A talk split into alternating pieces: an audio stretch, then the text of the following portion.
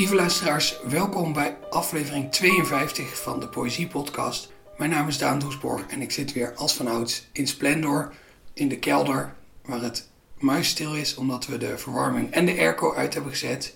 Dus uh, in deze tijden waarin luchtcirculatie zo verschrikkelijk belangrijk is, zit ik hier met gevaar voor eigen leven. En naast mij zit Martje Weijers. Welkom. Dank je. Je bent uh, twee weken geleden Nederlands kampioen Poetry Slam geworden. Ja. Hoe bevalt dat om al twee weken lang de beste van Nederland te zijn? Goed. Ja, is eigenlijk nu nog niet zoveel veranderd. maar uh, het is wel leuk. Het is een leuke titel om te dragen. Ja, hè? Ja.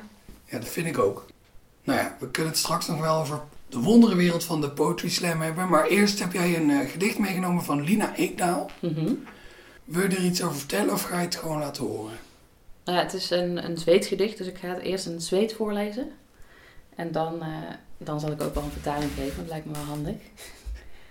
En het is een van mijn favoriete Zweedse dichters. En het is jouw eigen vertaling, toch? Ja. ja. Hij heeft geen titel, trouwens. Armarna är tunga och mycket långa. Längst ner ett knippe vita fingrar. Kassar med fet mat. Ägg och alkohol. Ryggen är en del av en cirkel. Pannan en magnet mot jorden. Somligt blir stående, som i tyst bön. En från öst, en från väst, en från Ståthållaregatan. Tre snödroppar i tjänst. Anden är svag nu. Blekare än så här blir vi inte. Någon rycker till. Värre än en skrämd, mycket ung hund. Och det är du som får frågan. Om du får fråga en fråga, en sista fråga, vilken fråga skulle du fråga då? Och du ställer ner kassarna, blodet rinner till i fingrarna och du frågar frågan. Är det nu? Är det nu det är dags för frilek i grönområden? Je armen zijn zwaar en heel lang. Onderaan een bosje witte vingers. Tassen met vet voedsel. Eieren en alcohol. Je rug is een deel van een cirkel. Je voorhoofd een magneet naar de aarde. Sommigen blijven staan, als in stil gebed. Iemand uit het oosten, iemand uit het westen, iemand uit de stadhouderstraat. Drie sneeuwdruppels in dienst. Je geest is zwak nu. Bleker dan dit worden we niet. Iemand schrikt op, erger dan een bange, heel jonge hond. En jij krijgt de vraag. Als je één vraag mag vragen, één laatste vraag, welke vraag zou je dan vragen? En je zet de tassen neer, het bloed stroomt naar je vingers en je vraagt de vraag: Is het nu? Is het nu tijd voor vrij spelen in het plantsoen? Dankjewel. Alsjeblieft. Waarom heb je dit gedicht gekozen? Ja, omdat ik heel erg van, van Lina Eekdas stijl hou. Dat, uh, er zit iets heel absurdistisch in. Of iets heel... Zij gebruikt taal op een manier die ik ook heel interessant vind. Ze, juist, ze gebruikt juist soms een beetje rare woorden. Of dat ze bijvoorbeeld zegt, je vraagt de vraag. Ze zegt expres niet, je stelt de vraag of zo. Ze, ze speelt ook wel soms met, met expres met fouten of grammaticale fouten die dan een soort van interessante betekenis geven. Dus dat vind ik interessant aan haar werk. Dat het heel banaal is soms, maar er zit wel heel veel in voor mij. En, en er zit heel, ja, het is tegelijkertijd grappig en pijnlijk en, ja, en het is gewoon een heel helder beeld of zo. Ik vind het heel, uh, ik krijg er heel erg een sterk gevoel bij meteen. Dus dat vond ik interessant. Uh, je mailde mij de gedichten die je wilde gaan bespreken. En ik zag dat er dus een gedicht in de bijlage zat en eentje onder je mail stond. Dus ik begon dat te lezen. Ik dacht, oh, dit is het gedicht van uh, Martje. En eigenlijk pas, ik denk halverwege of op twee derde dacht ik, volgens mij is dit helemaal niet van Martje. Volgens mij is dit het gedicht van Nee. iemand anders dat ze wil bespreken. Dus het verbaast me niet dat je dat iets jou trekt in deze poëzie. Want juist ook dat, dat banale, ja, van die, van die scènes op straat die misschien in zichzelf niet bijzonder zijn, maar wel dat worden door de manier waarop ze beschreven zijn, dat, Mm. dat is iets wat ik zelf ook wel uit jouw eigen werk herken. Of vind je dat totale onzin? Nee, daar kan ik me wel iets bij voorstellen, inderdaad. Juist in hele normale, een hele normale, er gebeurt eigenlijk niet zoveel. Of uh, vrij normale setting, maar wel, um, ja, maar dat er toch iets een diepere laag in zit of zo. Dat ze er iets op een andere manier naar weten kijken of ze weet je te verrassen of zo. Dat probeer ik ook wel te doen in mijn eigen poëzie. Inderdaad, dus dat is niet helemaal gek dat je dat denkt. Ja. En, en wat was er eerst, de kip of het ei? Zeg maar, schreef je al dit soort gedichten en toen vond je in die gedichten van Eekdaal een, een, een gelijkgestemde? Of denk je dat ze je misschien ook beïnvloed heeft? Ik denk allebei. Ik denk, ik denk dat het, ja, het zou kunnen dat ik hier wel ook door beïnvloed ben. Natuurlijk word je beïnvloed door alles wat je tot je neemt. Ja, en, en ik denk dat er ook herkenning was, ja. Dus allebei een beetje. Ja. En wat ik zelf ook altijd een interessante vraag vind, omdat ik ook poëzie vertaal. Zeg maar, hoe kwam je er vervolgens op het idee om deze poëzie ook te gaan vertalen? Nou, je, je spreekt duidelijk Zweeds. Dat lijkt me mm. wel een heel belangrijk pre als je poëzie uit het Zweeds wil gaan vertalen. Ja, nou dit is geen officiële vertaling, dat is niet gepubliceerd of zo. Hoewel, dat zou eigenlijk heel leuk zijn. Maar, uh, maar ze, zij schrijft ook wel gedichten die echt heel moeilijk zijn om te vertalen. Ik geef zelf ook uh, een vak uh, vertalen Zweeds op de Universiteit van Amsterdam. En dan laat ik mijn studenten ook soms dit, dit soort gedichten vertalen. Of eigenlijk niet deze, maar dan juist moeilijkere gedichten. Die, want ik vind zelf vertalen van poëzie vind ik eigenlijk heb daar zo mijn twijfels bij, omdat het soms bijna ondoenlijk is.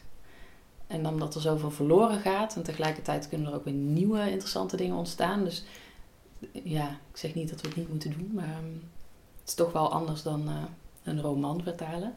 Maar ja, eigenlijk, ik denk dat ik het daarom uh, zelf ben gaan vertalen. Om te kijken als een oefening, als een soort van uh, vingeroefening.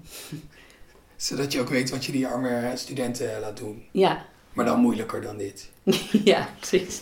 Is, zijn er wel eens vertalingen van Eekdaal gepubliceerd, dat jij weet, in uh, Nederland? In tijdschriften of zo? Of, uh... uh, niet dat ik weet, nee. Ik denk dat de gedichtenbundel die gedichtenbundel heet me wel op was gevallen in het ja. schap met vertaalde poëzie. Dus die zal er wel niet zijn. Nee, nee, dat En wat haar bundel heet de wat mm -hmm. volgens mij gedichtenbundel betekent. Ja. Zo, zo ver rijkt mijn Zweeds nog net. Uh, nou ja, misschien, uh, misschien is het een goed idee voor als je je een keer verveelt. Precies, ja. Tijdens je uh, landskampioenschap. Ja, je weet. Ja, het was me inderdaad ook opgevallen dat ze soms soort gekke paadjes kiest. En wat je al noemde met, met niet je stelt de vraag, maar je vraagt de vraag. Maar het werkt metrisch ook wel heel mooi. Het is wel hele ritmische mm poëzie. Ja, dus het werkt veel met herhaling, met veel... Um en inderdaad, het is een soort van verraderlijk, want het voelt heel simpel, ook talig of zo. Terwijl ze eigenlijk, ik vind dat het heel ingenieus in elkaar zit of zo. En dit, ja, dat is wel over nagedacht of zo. Maar het voelt alsof, er, alsof het niet zo is. Of en dat vind ik wel interessant. Dat het, en het loopt, en ja, ik vind ook dat het ritmisch interessant is, terwijl er geen rijm of wat dan ook. En toch, en toch loopt het of zo. Ze zou het heel goed doen op een poetry slam, denk ik. Ja, ja, denk het ook wel. Weet je dat? Of zij uit een voordrachtstraditie komt? Of, uh... um, ik weet wel dat ze regelmatig voordraagt. Maar ze komt niet uit de poetry slam of zo. Nee. Zou ze moeten proberen, denk ik. Ja. ja, de poetry slam in Zweden is ook wel, is wel anders dan bij ons. Is wel wat meer... Um, nog meer op de geëngageerde poëzie, meer de Amerikaanse traditie een beetje naapend. Dus ik weet niet of zij het in Zweden heel goed zou doen op een poetry slam. Dat zou wel interessant zijn om te, te zien. Misschien vindt ze het dan wel een hele, een hele frisse wind en dan wordt ze ja. Zweeds kampioen poetry slam. Ja, zou dat zou, zou kunnen. Ja. ja. gek is dat, hè? Dat dat in verschillende landen ook zo verschillende conventies heeft. Ja. In Duitsland is, is, heeft uh, Poetry Slam ook een beetje de, de plek ingenomen die in Nederland wordt bezet door stand-up comedy. Ja. Dus daar is het ook veel meer narratief en grappig. En, mm. en ja, daar, daar wint vaak de lolligste dichter. Ja, en dus ook veel meer storytelling of zo, heb ik het idee. Dat is ook het rare, vind ik, van zo'n NK Poetry Slam ook. Dat je, dat je daar... Uh, dat daar al die stijlen bij elkaar komen en dat iemand gekozen is als de beste vanuit een bepaalde traditie. En, en die moet dan vervolgens buiten die traditie vergeleken worden met anderen die datzelfde hebben doorgemaakt. En dan ook nog elk jaar in hetzelfde land, waar dus wel een, soort traditie gehandhaafd blijft. ja. Eigenlijk heel raar, hè? ja, het is bizar. Heb je nu nog wel zin om te gaan? Jawel, nu is het heel relaxed om te gaan. Toen Ja. wil ik zelf niet meer. Ja, maar het is wel inderdaad wat je zegt. Het is eigenlijk bizar dat we zoveel verschillende... Er zijn zoveel verschillende stijlen en stemmen die je dan met elkaar vergelijkt. Terwijl het eigenlijk misschien helemaal niet kan. Ja, je zou bijna denken dat het gaat om gewoon gezellig poëzie met elkaar voordragen. Niet om wie er wint of niet. Ja, Hey, en ik weet echt helemaal niks over Zweedse poëzie. Eh, eh, misschien weet jij dat ook niet hoor. Maar hoe, hoe ziet het poëtische landschap er daaruit? Is dat... Maar ik zou, kan me heel goed voorstellen dat, dat een, een dichter als Lina Ikdaal, als zij in het Nederlands schreef, dat dat hier ook wel uitgegeven zou worden en aan zou slaan. Ja. Maar is het, ja, lijkt het een beetje op, op de Nederlandse poëzie scene? Of eh, de slam scene dus alvast niet. Maar ja, ik zou zeggen dat het... Dat dichters zich misschien wat serieuzer nemen in Zweden. Wat mij altijd opvalt is dat ze ook allemaal hetzelfde voordragen. Dus er is een heel duidelijke voordrachttoon of zo, of zo'n eh, intonatie. En ik, ik denk dat het wat, wat, vaak wat humorlozer is. Hoewel, er zijn nu ook wel weer interessante nieuwe dichters die dat misschien wel meer hebben. Ehm, maar ik denk dat daarom bijvoorbeeld Lina Eekdal maar daarin opvalt. Omdat zij wel humor heeft en heel veel andere dichters niet. Het is allemaal best wel zwaar. En dat, dat is denk ik het grootste verschil dat mij altijd direct opvalt. Maar ook, ja, ook in Zweden heb je natuurlijk allerlei stijlen. En heb je ook poetry slam. En je hebt ook... Ja, wat ook bijvoorbeeld een interessante dichter is, is Athena Roxat. Die is ook vertaald in het Nederlands onlangs. Ja, dat vind ik ook een heel interessante dichteres, dichter. Die heeft dat misschien ook wel iets meer. Een soort pijnlijke humor misschien. heb je wel eens overwogen om Nederlandse poëzie naar het Zweeds te vertalen? Overwogen wel, ja. Ik heb, toen ik een tijdje in Zweden zat, toen, eh, toen ging ik eigenlijk om, om juist ook me af te sluiten van alle afleiding van poetry slam en zo. en toen heb ik wel even overwogen om, om daar ook mee te doen aan een poetry slam. En om dan de gedichten te vertalen, maar uiteindelijk heb ik mezelf dat verboden. en ja, het, had, het zou wel kunnen, denk ik, met mijn poëzie. Maar nee, ik heb niet per se die eh, behoefte gevoeld. Want het klinkt alsof ze daar wel een paar mooie Frank Koenegracht vertalingen kunnen gebruiken als het zo'n humorloze poëzie is. Ja, ja. Nee, het was wel een interessant experiment geweest om te kijken of het daar aan zou slaan. Maar nee, dat heb ik nog nooit gedaan. Nee. Zou je in afwachting van jouw stormachtige eh, intrede in de Zweedse poëzie scene als poëzievertaler eh, nog een keer jouw vertaling van Lina Eekdaal voor willen dragen? Je armen zijn zwaar en heel lang. Onderaan een bosje witte vingers. Tassen met vet voedsel. Eieren en alcohol. Je rug is een deel van een cirkel. Je voorhoofd een magneet naar de aarde. Sommigen blijven staan, als in een stil gebed. Iemand uit het oosten, iemand uit het westen, iemand uit de stadhouderstraat. Drie sneeuwdruppels in dienst. Je geest is zwak nu. Bleker dan dit worden we niet. Iemand schrikt op, erger dan een bange, heel jonge hond. En jij krijgt de vraag. Als je één vraag mag vragen, een laatste vraag, welke vraag zou je dan vragen?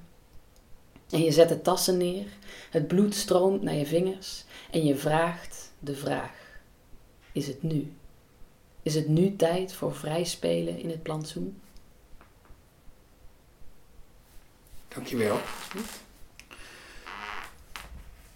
Je zit op een hele krakende stoel. Ja. Ik ga dat toch even zeggen voor, dat, voor iedereen die zich nu afvraagt. Wat is toch dat geluid dat ik de hele tijd hoor? Maar goed, dat maakt ook allemaal niet uit. Ik mocht eigenlijk niet bewegen, maar dat was ik weer vergeten. Ja, maar ja, dat is ook een beetje een onmogelijke opgave misschien op die stoel. Want die kraakt bij elke minimumbeweging die je maakt. Je hebt ook een gedicht van jezelf meegenomen. Mhm. Eh, wil je daar nog iets over zeggen eerst? Of gaan we er gewoon naar luisteren? Volgens mij uh, kun je er gewoon naar luisteren. Ze zijn weer zonder mij begonnen. De kinderen met pakken toiletpapier als kruiken op hun hoofd, alsof ze kilometers moeten lopen naar de dichtstbijzijnde wc. Ze zingen niet. Het is geen zingen wat ze doen.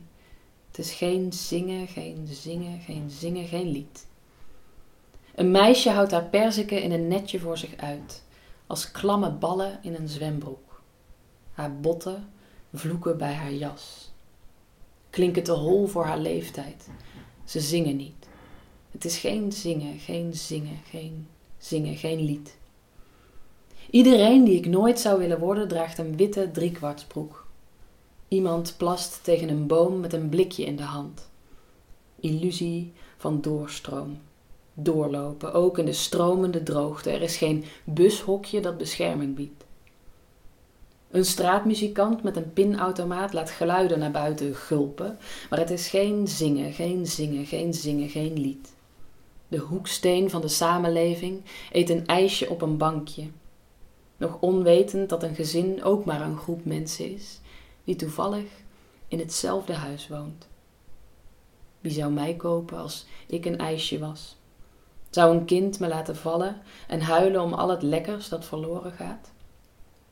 Ik huil niet, ik lek. Kersensmaak. Mijn kersen rollen over straat. Ik raap ze uit het stof, laat ze knappen in mijn mond. Het zand schuurt zoet tussen mijn tanden, wrijft de rebel in mij naar buiten als een geest uit een fles. De geest van klein protest. Een terloopse stoot van mijn elleboog tegen de vent die denkt dat de trein alleen voor hem. In citroen vergeten af te rekenen bij de zelfscankassa. Ik vecht ook tegen het systeem. En ik zing niet. Dit is geen zingen, geen zingen, geen zingen, geen lied. Eerder een vorm van onverschilligheid, een opgetrokken lip, een blozende wang, een overslaande stem. Emoties zijn net als organen. Ze zijn er gewoon. Soms lijkt het wel zingen, maar het is niet altijd zo simpel. Ik ben zo gecompliceerd dat ik zelf niet weet wat ik wil. Zeg me wat ik wil. Bescherm me tegen wat ik wil. Ik zou een net willen knopen. Iets van samenhang. Om iedereen bijeen te houden. Iets van samenzang. Want dit is geen zingen, geen zingen, geen zingen, geen lied. Hoe maak je van zoveel ego's een koor?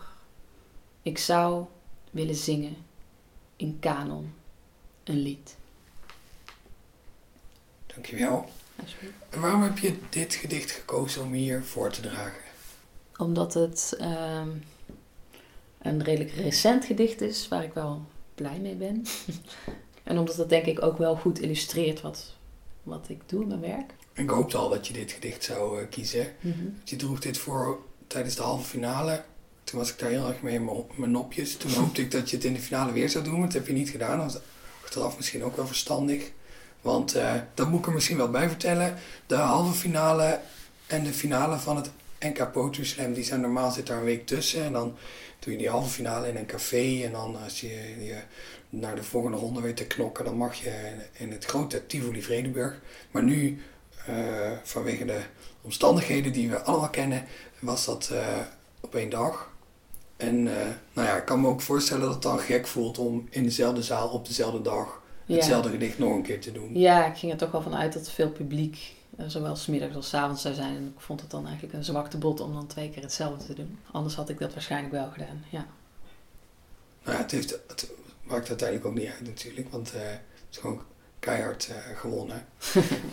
maar je zei net dat dit, dat dit gedicht iets laat zien over wat je nu doet in je werk. Zou je heb je een idee wat dat dan is? Maar wat, wat hmm. representeert dit gedicht dat, dat ook Martje Weijers anno 2020 representeert? Ja, ik denk ehm, dat de algemene toon in mijn gedicht best vaak iets zwaar, een soort van zware thematiek heeft. Of het is eigenlijk best wel vaak pessimistisch. Of, maar de, er zit wel hoop ik dan toch humor in en een soort lichtheid. Ik breng het niet op een hele zware manier volgens mij. En er zit wel een boodschap in, maar dan wel een soort van. Je moet je wel een beetje zelf zoeken. Het is niet, eh, ik geef het niet op een presenteerblaadje. Ja, en ik denk een soort van. dat er vaak wel een soort van observaties in zitten hier in dit gedicht heel sterk. En een soort van verrassende elementen of zo, dat hoop ik te bereiken. Dat je, dat je, ja, dat je verrast blijft in een gedicht. Maar ook een soort lichtheid, toch? Want Ja, ja. Hoe zwaar de thematiek ook is. Als je een netje persik eh, beschrijft als eh, twee eh, bezweten ballen in een zwembad. ja. Ja. dan kan de thematiek nog zo zwaar zijn. Maar dan Ja. denk ik dat het toch wel hier en daar gelachen wordt. Ja, precies. Ja, dat, dat hoop ik wel te bereiken.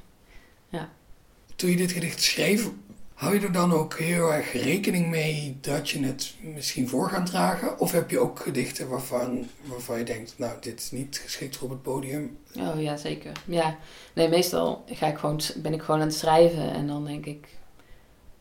Bij dit gedicht dacht ik wel vrij snel van, oh, dit, dit kan wel een goed podiumgedicht worden. Ehm, maar het is niet dat ik het per se schrijf met dat idee in mijn achterhoofd. Dus ik begin gewoon met schrijven en dan zie ik wat het wordt en of dat wel of niet zou kunnen werken op een podium. Maar er zijn ook gedichten die ik inderdaad nooit voordraag, omdat ik denk dat ze niet werken op, op een podium. Maar heb je het dan wel eens geprobeerd? Of is dat puur... eh, Soms is het een pure gok, of dan denk ik dat. En, en soms heb ik het wel eens geprobeerd en dan heb ik het gevoel dat het niet zo aankomt. En dan ga ik er of nog aan werken, of dan denk ik, nou ja, misschien is deze gewoon niet, eh, niet geschikt voor een podium.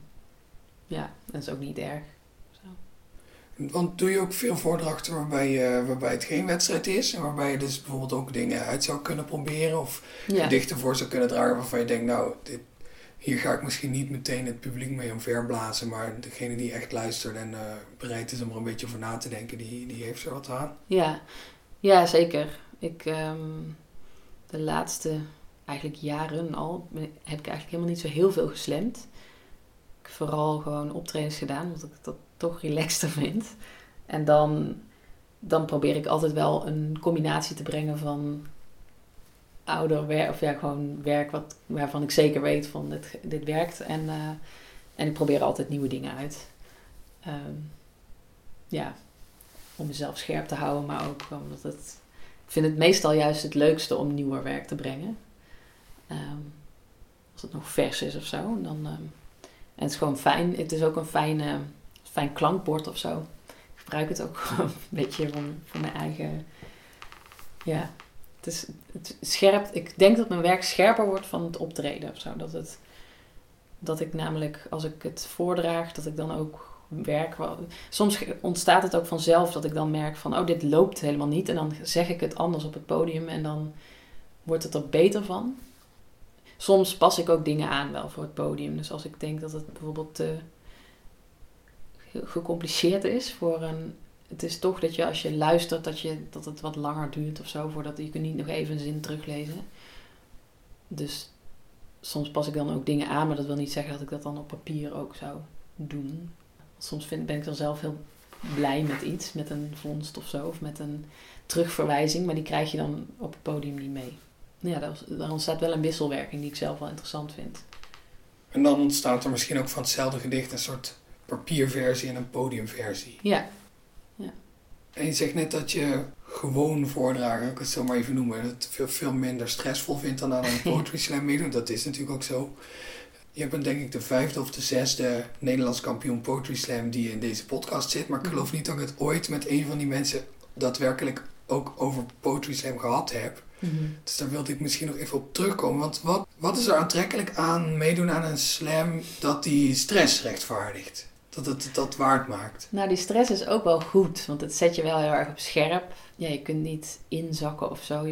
Ik vind het ook. Het, het, het zet me ook aan tot schrijven. Het is ook wel dat het. Ja, ik, ik wil ook altijd nieuw werk doen op een slam. Of ik wil niet te vaak weer met hetzelfde komen of zo. Dus ik. ehm, het, het, houdt me wel scherp of zo. En het, je bent zo goed als je laatste werk dan ook of zo. Dus dat. ehm, ja, het brengt me op die manier ook wel veel, denk ik. Ehm, ja. En het, ja, het is ook wel leuk, dat wedstrijdelement. Ik bedoel, het is ook... Juist dat het spannend is, ja, dat maakt het ook wel. Natuurlijk ook deels wel leuk, maar ook zenuwslopend. Ja. Ja. En dan laten ze je ook nog een halve finale en een finale op één dag doen. Ja, dat was wel heftig, ja. Want het was de vierde keer, als ik het goed heb, dat je meedeed aan het NK. Klopt. Dus je hebt uh, voldoende vergelijkingsmateriaal. Mhm. Wat denk jij nou dat fijner is? Zo'n finale, zo'n halve finale doen. Oh, dan, eh, dan gaat het goed en dan ben je blij en dan ga je flink eh, borrelen met je vrienden en dan heb je nog een week om je voor te bereiden en dan is de finale. Of gewoon in één keer alle stress in één dag en dan ben je er vanaf en dan eh, ontlading. Eh, ik denk dat ik toch eh, de voorkeur heb voor twee eh, verschillende momenten. Dat je dan alles nog kan verwerken en laten bezinken. En dat, ja, het was nu heel veel stress op één dag. Wel. bijna alle, of eigenlijk alle Nederlandse kampioens Poetry Slam zijn daarna ook gestopt. Ben je dat ook van plan of heb je daar nog niet over nagedacht? Met slam bedoel je? Ja, Hmm. Ja, ik had eigenlijk wel, ik had me al voorgenomen van dit wordt sowieso de laatste keer dat ik meedoe met, met het NK. Ook omdat ik op een gegeven moment vond ik het toch een beetje triest zo. Om, eh, om eindeloos door te blijven gaan of zo. En eh, ja, het is niet dat ik dan stop met optreden of zo. Dus ik, ik had al wel bedacht van, nou, ik doe nog één keer mee en dan, dan zien we wel. Dus ik ben nu wel heel blij dat ik, dat ik het zo heb kunnen afsluiten, zeg maar, die Poetry Slam. Maar ik denk niet dat ik nog eh, echt ga slammen. Maar wie weet dat ik over een paar jaar denk, ik mis het of zo. ja, het is misschien ook wel wat je net al zei over dat je, je bent als Poetry Slammer zo goed als je laatste slam. Ja. Nou ja, dan is het natuurlijk een no-brainer dat je na het winnen van het Nederlands kampioenschap moet stoppen. Ja, Want eh, het wordt alleen maar net zo goed of slechter ja dan precies. dat. Ja. Maar ik zou het toch ook wel leuk vinden als ze een keer. Het NK bestaat nu 12 jaar, geloof ik. Mhm. Nou, volgens mij is dat precies genoeg voor twee halve finales en een finale. Mhm. En dan gewoon 12 Nederlandse kampioens bij elkaar brengen. Tegen elkaar. Ja. Kijken wie er, wie er nou echt de beste is. Nou, toevallig eh, weet ik dat Gijs de Haar daarmee bezig is. Oh ja? Op te zetten, ja. Oh, wat leuk. Dus wie weet gaat dat nog gebeuren. Een soort van, tit- hoe zeg je dat? Slam of the Titans? Nee. ik weet- een, soort super slam. Nu, nu dat het niet meer een, een, een balletje is dat ik opgooi, maar een idee dat iemand echt uit wil gaan voeren, vind ik het ook wel weer een beetje een eng vooruitzicht eigenlijk. Ja. Want ik moet er dan ook aan geloven. Ja. ja. Nou ja, maar van de andere kant maakt het dan niet zo heel veel uit. Want dan is het... Nou, dan zou ik tenminste minder erg vinden om gewoon genadeloos af te gaan, geloof ik. Ja, dat is waar. Je bent dan wel in, in goed gezelschap. Ja. Je kan dan maar moeilijk zeggen, ja, god, ik heb dan wel... Ik heb, ik heb verloren van iemand die ik zelf eigenlijk niet zo goed vind. Ja. Dat, die kans is toch niet zo groot. Nee, precies. Wie zou er winnen, denk je? Poeh. Ja. Geen idee. Kan natuurlijk alle kanten op altijd. Met slam. Ja, dat is waar. Ligt aan het publiek. Ja, het ligt zeker aan het publiek. Ja. Als die een beetje goed geïnformeerd zijn, dan... eh, ja. Heb jij een idee? Heb jij meteen iemand die, die populair is bij jong en oud? Ellen Dekwits is wel populair bij Ja. jong en oud. Ja. Of Ma- Maxime Garcia Diaz, Mhm. jouw voorganger. Ja. Maar goed, als de woorddansers tot, de, tot, de, tot de pieken van hun eh, glorie eh, kunnen stijgen, waarmee ze destijds het eh, Nederlands kampioenschap gewonnen hebben. En volgens mij ook de finale van het wereldkampioenschap hebben gehaald. Oh, ja. Kijk, als je op WK-prestaties afgaat, dan krijg je natuurlijk een finale tussen de woorddansers en Carmien Michels. Mhm. Ja. En dan, volgens mij, eindig ik dan nip derde. Nou ja, daar kan ik wel mee leven. Ja. En als het dan tussen de woorddansers en Carmien gaat, zou ik het toch wel leuk vinden als Carmien ze alle hoeken van het podium Toch een Belg. Ja. ja, de beste Nederlander is toch een Bel. ja. Hey, zou jij je gedicht nog een keertje willen laten horen voor Zeker. ons? Ja. Oh nee, ik had nog een vraag. Wat mij opvalt is, jij op het podium sta je altijd alles uit je hoofd te doen en nu heb je het gedicht op een papiertje erbij. Wil je dat mensen dat weten of zal ik het eruit Eh, knippen. Ik kan hem uit mijn hoofd, dus het, eh, het is meer voor de zekerheid. Ja, nee, want ik vind het ook helemaal geen schande om iets van Ja. papier af te lezen hoor. Nee. Dat soort, maar ik voel, ik voel me wel af wat... Ja, er hing op het NK Poetry Slam natuurlijk wel iets meer vanaf dan in deze podcast, waarin ik Mm. nog ga knippen en weet ik, weet ik wat allemaal. Dus ja, ik was benieuwd naar, naar waarom je er dan op het podium wel op durft te vertrouwen dat je hem wel uit je hoofd kent. En hier toch denkt, ik neem toch dat plaatje mee. Het is meer een lui uit luiheid, denk Oh, ik hoor. Dat ik dit nu, eh, omdat ik eh, op het podium, ja, je, ik moet wel of ik wil het. Dan is er ook een publiek, dus dan wil ik ook. Voor mij werkt het gewoon zo, want ik ben helemaal niet zo heel erg anti van papier lezen. Ehm, als ik, ik, voor mij is het gewoon, doe waar je je fijn bij voelt. Of waar je, ja, waarmee je het relaxed op het podium kan staan. En voor mij is het fijner als ik het uit mijn hoofd ken, want dan kan ik beter contact maken met het publiek. En, en dat vind ik fijn als ik dat aanvoel. En nu eh, ben ik gewoon lui en er is geen publiek. Dus ik, ehm, ik, doe, ik- ja, ik draag het eigenlijk uit mijn hoofd voor, maar voor de zekerheid heb ik het blaadje erbij. Zodat ik het niet nog, nog een keer moet doen. Ik heb je er volgens mij ook niet op zien kijken. Dus, eh, Ja. Het blijft ons geheim of je het wel of niet met eh blaadje doet. Maar eh, in ieder geval zou ik je willen vragen om het gedicht nog een keer te lezen voor ons. Zeker. Ze zijn weer zonder mij begonnen. De kinderen met pakken toiletpapier als kruiken op hun hoofd, alsof ze kilometers moeten lopen naar de dichtstbijzijnde wc. Ze zingen niet. Het is geen zingen wat ze doen. Het is geen zingen, geen zingen, geen zingen, geen lied. Een meisje houdt haar perziken in een netje voor zich uit, als klamme ballen in een zwembroek. Haar botten vloeken bij haar jas, klinken te hol voor haar leeftijd. Ze zingen niet. Het is geen zingen, geen zingen, geen zingen, geen lied. Iedereen die ik nooit zou willen worden, draagt een witte driekwartsbroek. Iemand plast tegen een boom met een blikje in de hand. Illusie van doorstroom, doorlopen, ook in de stromende droogte. Er is geen bushokje dat bescherming biedt.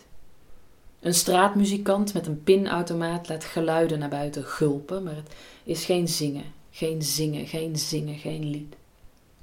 De hoeksteen van de samenleving eet een ijsje op een bankje, nog onwetend dat een gezin ook maar een groep mensen is die toevallig in hetzelfde huis woont. Wie zou mij kopen als ik een ijsje was? Zou een kind me laten vallen en huilen om al het lekkers dat verloren gaat? Ik huil niet, ik lek. Kersensmaak.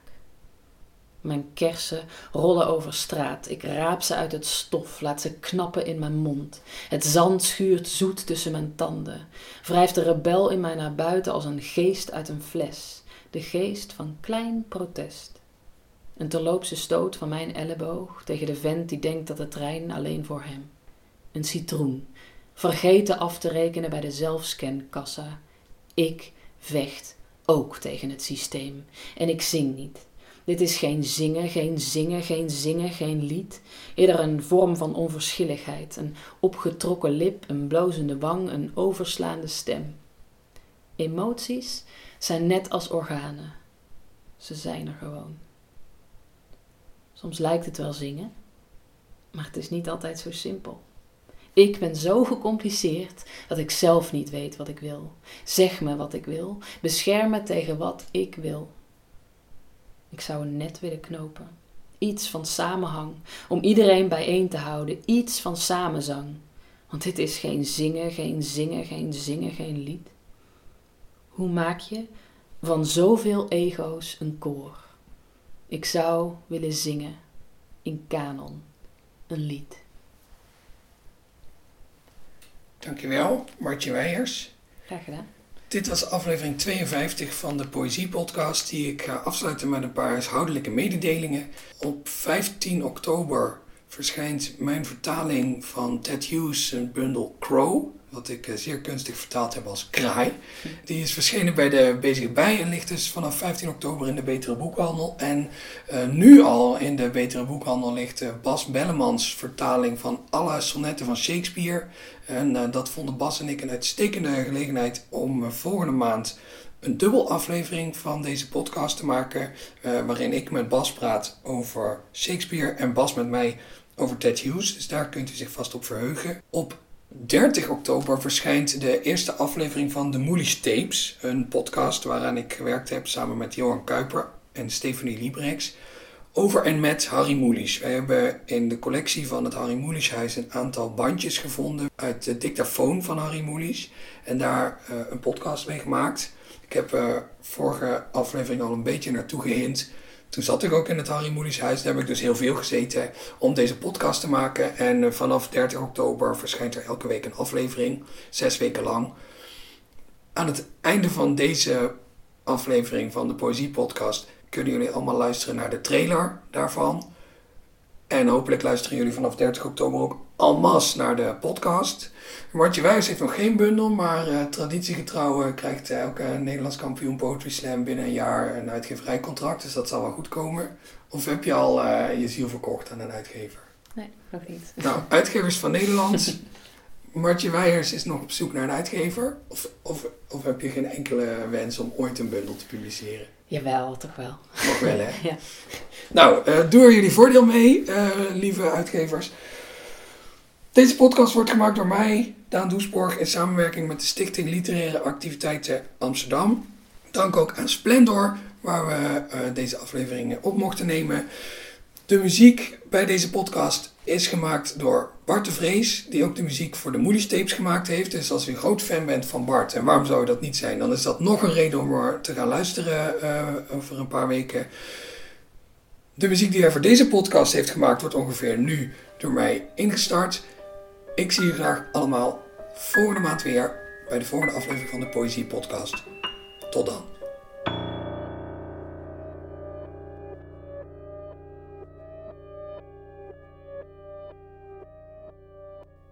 Je luisterde naar een aflevering van de Poëzie Podcast. Daan Doesborg is schrijver en presentator. In 2010 werd hij Nederlands kampioen Poetry Slam. Momenteel werkt hij aan zijn debuutroman, die zal verschijnen bij uitgeverij Van Oorschot. De Poëziepodcast wordt mede mogelijk gemaakt door de Stichting Literaire Activiteiten Amsterdam.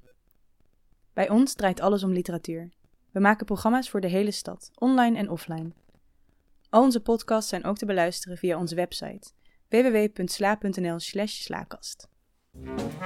Wat ik nu doe, is dicteren. Ja, oké, okay, maar je moet niet vergeten, die jongen is tegen zichzelf aan het praten. Uh, we zijn in de werkkamer van Harry Moelisch en we gaan luisteren naar uh, bandjes die we gevonden hebben. Goed, heel aardig. Ja, ze zijn af en toe een beetje bang afgegeven, maar ik heb ook een ongelooflijke kamer. Het moet misschien toch door jonge mensen gemaakt worden. De Moelies Tapes, vanaf 30 oktober te beluisteren. Een podcast over en met Harry Moelisch. In laten we zeggen, zes uitzendingen. Deze podcast wordt mede mogelijk gemaakt door Atheneum Boekhandels, uitgeverij De Bezige Bij, het Literatuurmuseum en Stichting Literaire Activiteiten Amsterdam.